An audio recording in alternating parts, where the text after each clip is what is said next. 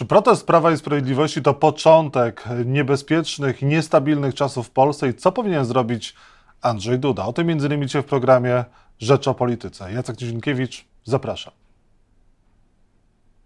A Państwa moim gościem jest profesor Antoni Dudek, politolog, historyk UKSW. Dzień dobry Panie Profesorze. Dzień dobry Panu, dzień dobry Państwu. Panie Profesorze, jakie znaczenie miała wczorajsza demonstracja Prawa i Sprawiedliwości? No miała znaczenie przede wszystkim dla tej partii, to znaczy Kaczyński po tym szoku, jakim jednak dla większości zwolenników PiSu jest utrata władzy, chciał pokazać, że ciągle jest nas dużo, no i pewnie mu się to udało, czyli jakby utwardził swój twardy elektorat, bo to przyjechali oczywiście ci najtwardsi zwolennicy tej partii, e, pokazał, że nie, nie jest w stanie cokolwiek zrobić, żeby się przeciwstawić zmianom, przede wszystkim takich doszło w TVP. No przy okazji pojawiła się sprawa Kamińskiego Wąsika, więc jakby ich też poparto. E, natomiast oczywiście nie dowiedziałem się z tego marszu, z tych przemówień, jaki jest dalszy plan PiSu, bo podejrzewam, że oni go ciągle nie mają. Oni się raczej będą bronić, czyli będą reagować na to, co będzie robił obóz władzy nowy y, i to raczej o plany nowego obozu władzy należy pytać, bo, bo, bo y, mówię, PiS się po prostu będzie bronił tam, gdzie będzie mógł, lepiej czy gorzej, mniej bądź bardziej skutecznie, ale będzie się bronił i tu prezydent Duda będzie niewątpliwie przez najbliższe półtora roku najważniejszym elementem tej obrony. No ale też y, usłyszeliśmy wczoraj między innymi e, o tym, że te wybory poprzednie, ostatni referendum, no nie wiadomo jakie były. Jarosław Kaczyński tak sugerował, jakby one mogły zostać e, sfałszowane. Dużo też słyszymy o tym, że w Polsce teraz jest dyktatura, e, o tym, że no, te rządy łamią demokrację. E, jak pan się do tego odnosi i jak mogą do tego odnieść się na przykład zagraniczni sojusznicy? Wie pan, ja się do tego odnoszę z dużym dystansem, bo ja pamiętam, jak e, e, niegdyś w 2014 roku po rzeczywiście bardzo wątpliwych e, wyborach samorządowych u schyłku rządów Platformy przeprowadzonych, które były najbardziej, powiedziałbym, nieprofesjonalnie zrobionymi wyborami, Kaczyński grzmiał z mównicy sejmowej, sfałszowaliście te wybory. Następnie pan Kaczyński rządził Polską 8 lat, mógł wyjaśnić, czy te wybory zostały sfałszowane, postawić zarzuty ludziom, którzy je fałszowali. Niczego takiego nie mieliśmy, niczego takiego nie nastąpiło i dlatego ja nie traktuję serio wszelkich kolejnych wypowiedzi pana prezesa Kaczyńskiego i innych polityków PiSu o fałszowaniu wyborów, zwłaszcza kiedy o tym mówią w styczniu, gdy wybory były 15 października i przez wiele tygodni nie słyszałem o tym, że wybory sfałszowane, że na przykład rząd Morawieckiego, ten 14-dniowy, nie prowadził jakichś działań wyjaśniających w tej sprawie. Więc wie pan, to jest w tej chwili retoryka taka mało wiarygodna, wiarygodna. PiS oczywiście może różne rzeczy opowiadać, e, ale z tego już nic nie wynika. Przed chwilą Sąd Najwyższy e, uznał i to ta izba, która, która zresztą jest e, uważana za tak zwaną pisowską, że wybory były legalne. W związku z tym sprawa jest w sensie formalnym zamknięta. A opowiadać można różne rzeczy. No, poprzedni pana gość, pan prezydent Lech Wałęsa przez wiele lat po roku 95 opowiadał, że wybory prezydenckie w 95 roku były sfałszowane i to on je wygrał, a nie Aleksander Kwaśniewski. Także politycy opowiadają różne rzeczy, ale ja się tym nie przejmuję. Panie prezydencie, a ta, panie, panie profesorze, a ta manifestacja wczorajsza, ona była pokazem słabości czy siły Jarosława Kaczyńskiego?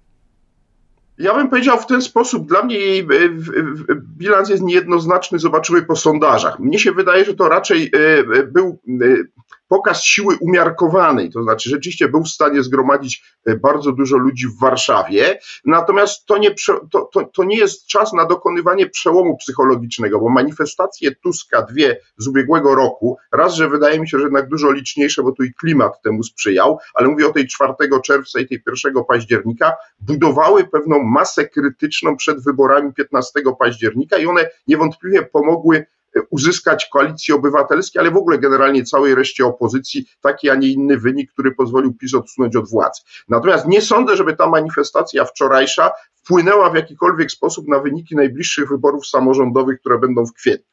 Więc z tego punktu widzenia to niewiele PiSowi dało, no ale PiS też musiał jakoś zareagować, e, e, bo same wizyty posłów w siedzibie e, TVP nie, czy, czy PAP-u, czy Polskiego Radia niewiele dawały. Musiał pokazać ludziom, że jeszcze coś więcej zrobi, no to zorganizował tą manifestację, ale tak jak mówię, mam wrażenie, że tu bardziej PiSowi zaszkodził niż pomógł prezydent Duda swoją niejednoznaczną postawą w sprawie Kamińskiego i Wąsika i muszę powiedzieć, że prezydent, mówiąc krótko, został przetestowany przez koalicję rządową i test dla koalicji rządowej wypadł pomyślnie, to znaczy widać wyraźnie, że prezydent Duda najpierw będzie groził, że absolutnie ani kroku w tył, a później dość szybko ten krok w tył będzie robił i to jest dla optymistyczna informacja dla koalicji rządowej.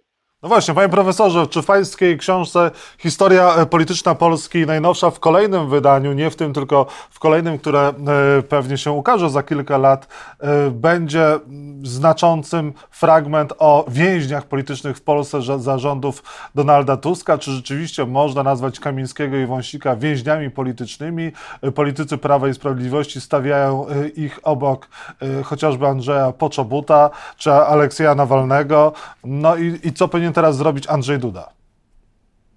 Nie no, Andrzej Duda już zrobił, ale po kolei. To znaczy, zacznijmy od tego, że w tej obecnym wydaniu, które oczywiście wszystkim polecam, można się dowiedzieć właściwie, dlaczego doszło do tego wyroku. Jest tam opisana afera gruntowa, a później decyzja, która była praźródłem tego, co się teraz dzieje, czyli decyzja prezydenta e, Andrzeja Dudy z jesieni 2015 roku o ułaskawieniu Kamińskiego i Wąsika. Rzeczywiście, tak jak mówi Prawo i Sprawiedliwość, oni zostali skazani za walkę z korupcją?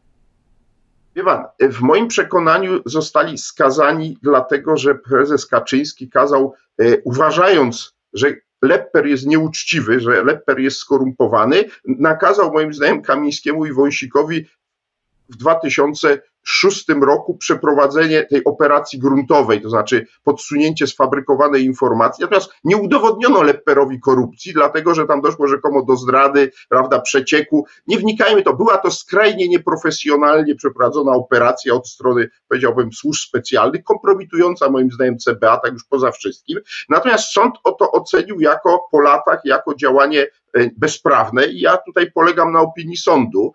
E, natomiast prezydent Duda, mówię o sądzie pierwszej instancji, pośpieszył się wtedy w 2015 roku z e, ułaskawieniem. Dlaczego? Bo prezes Kaczyński chciał mieć Kamińskiego i Wąsika w rządzie, a ludzie, którzy mieli otwarty proces, no, byli w zagrożenie, że w drugiej instancji stanie się to, co się stało i istniało zagrożenie, że urzędujący minister spraw wewnętrznych dostanie wyrok bezwzględnego więzienia, więc żeby ten problem rozwiązać, Duda zrobił rzecz moim zdaniem, której robić nie powinien, czyli ułaskawił ich po wyroku pierwszej instancji. No i sprawa, i teraz staje pytanie, dlaczego to trwało aż 8 lat, zanim zapadł wyrok w drugiej instancji. Bo ja wiem oczywiście, że tam był spór prawny, że było w tej sprawie decyzja i Sądu Najwyższego, i Trybunału Konstytucyjnego, ale nie kryję, że mnie bardzo się nie podoba sytuacja, w której dopiero po 8 latach w tej sprawie zapadł prawomocny wyrok, no ale zapadł i w tym momencie się pojawił problem prezydenta Dudy i tu dochodzimy do czasów współczesnych, gdzie prezydent Duda najpierw do wczoraj opowiadał, że absolutnie on w tej sprawie już nic nie zrobi, bo on ich ułaskawił, po czym wczoraj zmienił zdanie, ściągnął małżonki obu panów, żeby jakoś uzasadnić zmianę swojego stanowiska,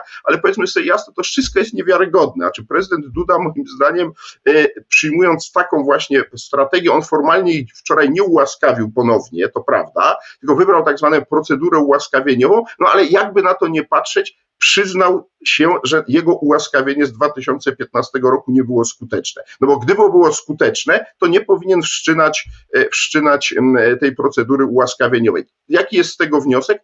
Prezydent Andrzej Duda jest skrajnie niekonsekwentny i będzie on i jego obóz polityczny za to płacił cenę, bo moim zdaniem to wszystko ludzie, jeśli za paręnaście dni, a podejrzewam, że to potrwa paręnaście dni, może parę tygodni, Duda, z znaczy Kamiński z Wąsikiem wyjdą e, z więzienia, no to wszyscy uznają, że był to rodzaj teatru politycznego, e, a mówienie o tym, że w ogóle to są więźniowie polityczni, porównywanie tego z Białorusią już w tej chwili jest niepoważne, w ogóle nigdy nie było poważne. Na Białorusi jest ponad 1500 więźniów politycznych, i to są ludzie, którzy odbywają wieloletnie wyroki.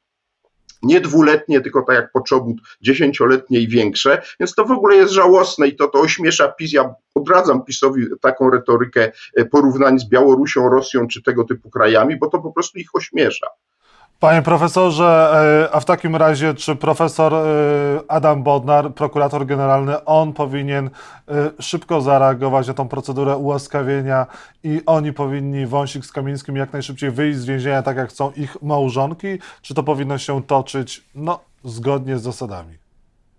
Pan, ja myślę, że to jest tak naprawdę sprawa polityczna i Adam Bodnar musi podjąć decyzję jako polityk rządu, y, co w interesie rządu leży bardziej. Czy żeby dawać PiSowi pole do y, podkreślania, że to są więźniowie polityczni i uznając, że to jest tak groteskowe, że to PiSowi szkodzi i wtedy ta procedura powinna trwać całkowicie normalnie, a jeżeli natomiast ocena polityczna będzie taka, że jednak nie należy PiSowi tego paliwa niskiej jakości, ale jednak paliwa dostarczać, no to wtedy powinien tą procedurę przyspieszyć, bo ja generalnie uważam, że za całą tą sprawę na tle innych rodzajów nadużyć władzy, z którymi mieliśmy w, trzeciej Rzeczpospolitej, panowie Wąsik i Kamiński zostali ukarani, powiedziałbym, niezwykle surowo. Bo ja mam parę innych przykładów nadużywania władzy w III Rzeczpospolitej, gdzie e, e, zapadły wyroki e, zawieszeniu albo w ogóle nie było żadnych wyroków. Tymczasem oni są pierwszymi, którzy dostali bardzo surowy wyrok. Tak to oceniam na tle mówię, tego, co się wcześniej działo.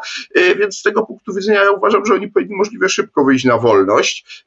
Natomiast i tak nie, czeka nas kolejny akt tego teatru politycznego, a mianowicie akt pod tytułem Czy panowie Kamiński, Wąsik są jeszcze posłami, czy nie są, bo teraz PiS będzie twierdził, że należy ich natychmiast przywrócić do ław sejmowych, a oczywiście marszałek Hołownia i słusznie już powiedział, że oni posłami nie są. No i będzie pytanie o obsadzenie, ponieważ podejrzewam, że ci kolejni e, na liście e, wyborczej, bo jak wiemy jest tak, że jak wygasa czyjś mandat, to wchodzi następny na liście danej partii, ponieważ już PiS zapowiedział, że nikomu tam ze swoich ludzi nie pozwoli wejść, no to zobaczymy, czy rzeczywiście ktoś się nie skusi. To też będzie taki ciekawy eksperyment, bo podejrzewam, że tam marszałek Sejmu będzie kolejnym na liście PiSu proponował, że byli na liście wyborczej PiSu za Kamińskim i Wąsikiem i zobaczymy, czy rzeczywiście wszyscy będą odmawiać lojalnie zgodnie z wolą kierownictwa partii, czy też się nie okaże, że jednak ktoś tam przyjmie ten mandat i nagle się okaże, że zapewne PiS go wyrzuci natychmiast ze swoich szeregów i koalicja rządowa pozyska e, kogoś nowego. Tak, nawiasem mówiąc, głos panem Mejzą kiedyś, e, przypomnę, on był e,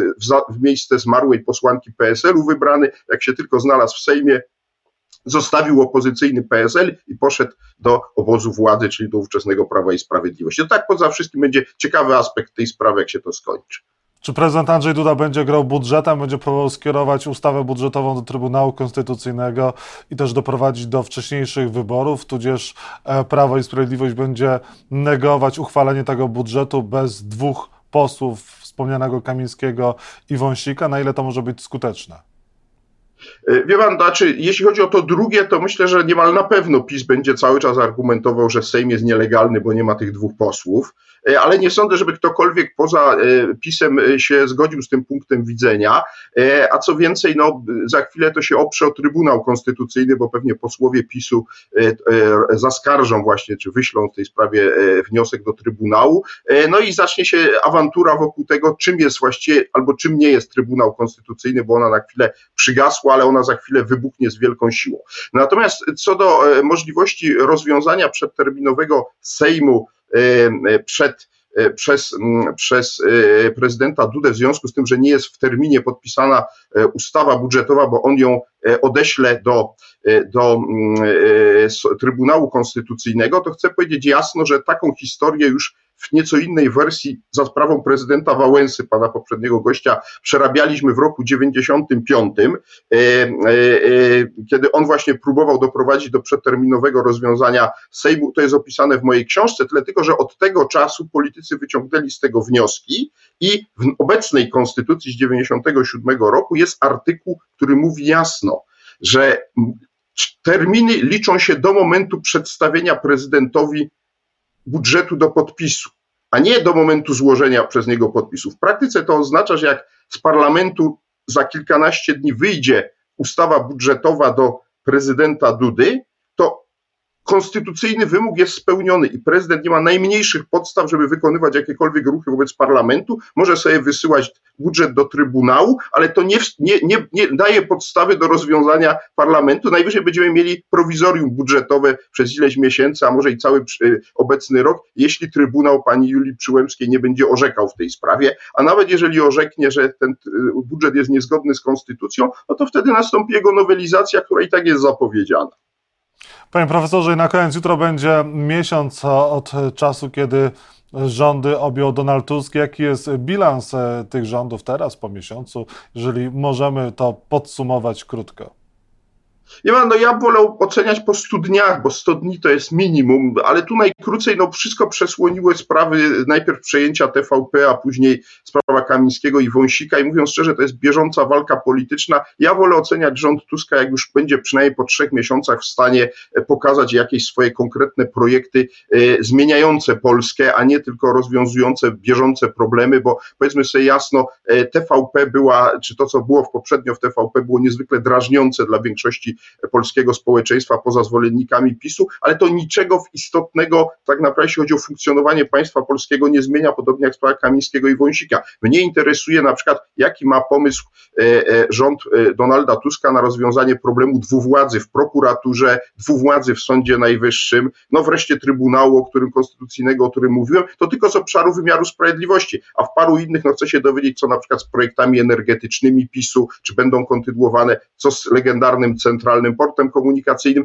i tak moglibyśmy iść dziedzina po dziedzinie, interesuje mnie los kontraktów zbrojeniowych i chciałbym się tu dowiedzieć w ciągu tych 100 dni, co będzie kontynuowane, a co nie będzie i dlaczego. E, bo to, I to wtedy będzie dla mnie moment, żeby oceniać ten rząd. Na razie ja traktuję to jako przedwczesne pytanie. W takim razie umawiamy się na 100 dni rządów Donalda Tuska. Profesor Antoni Dudak był Państwa moim gościem. Bardzo dziękuję za rozmowę. Dziękuję, pozdrawiam Pana, pozdrawiam Państwa. Dziękuję, pozdrawiamy serdecznie. Yeah.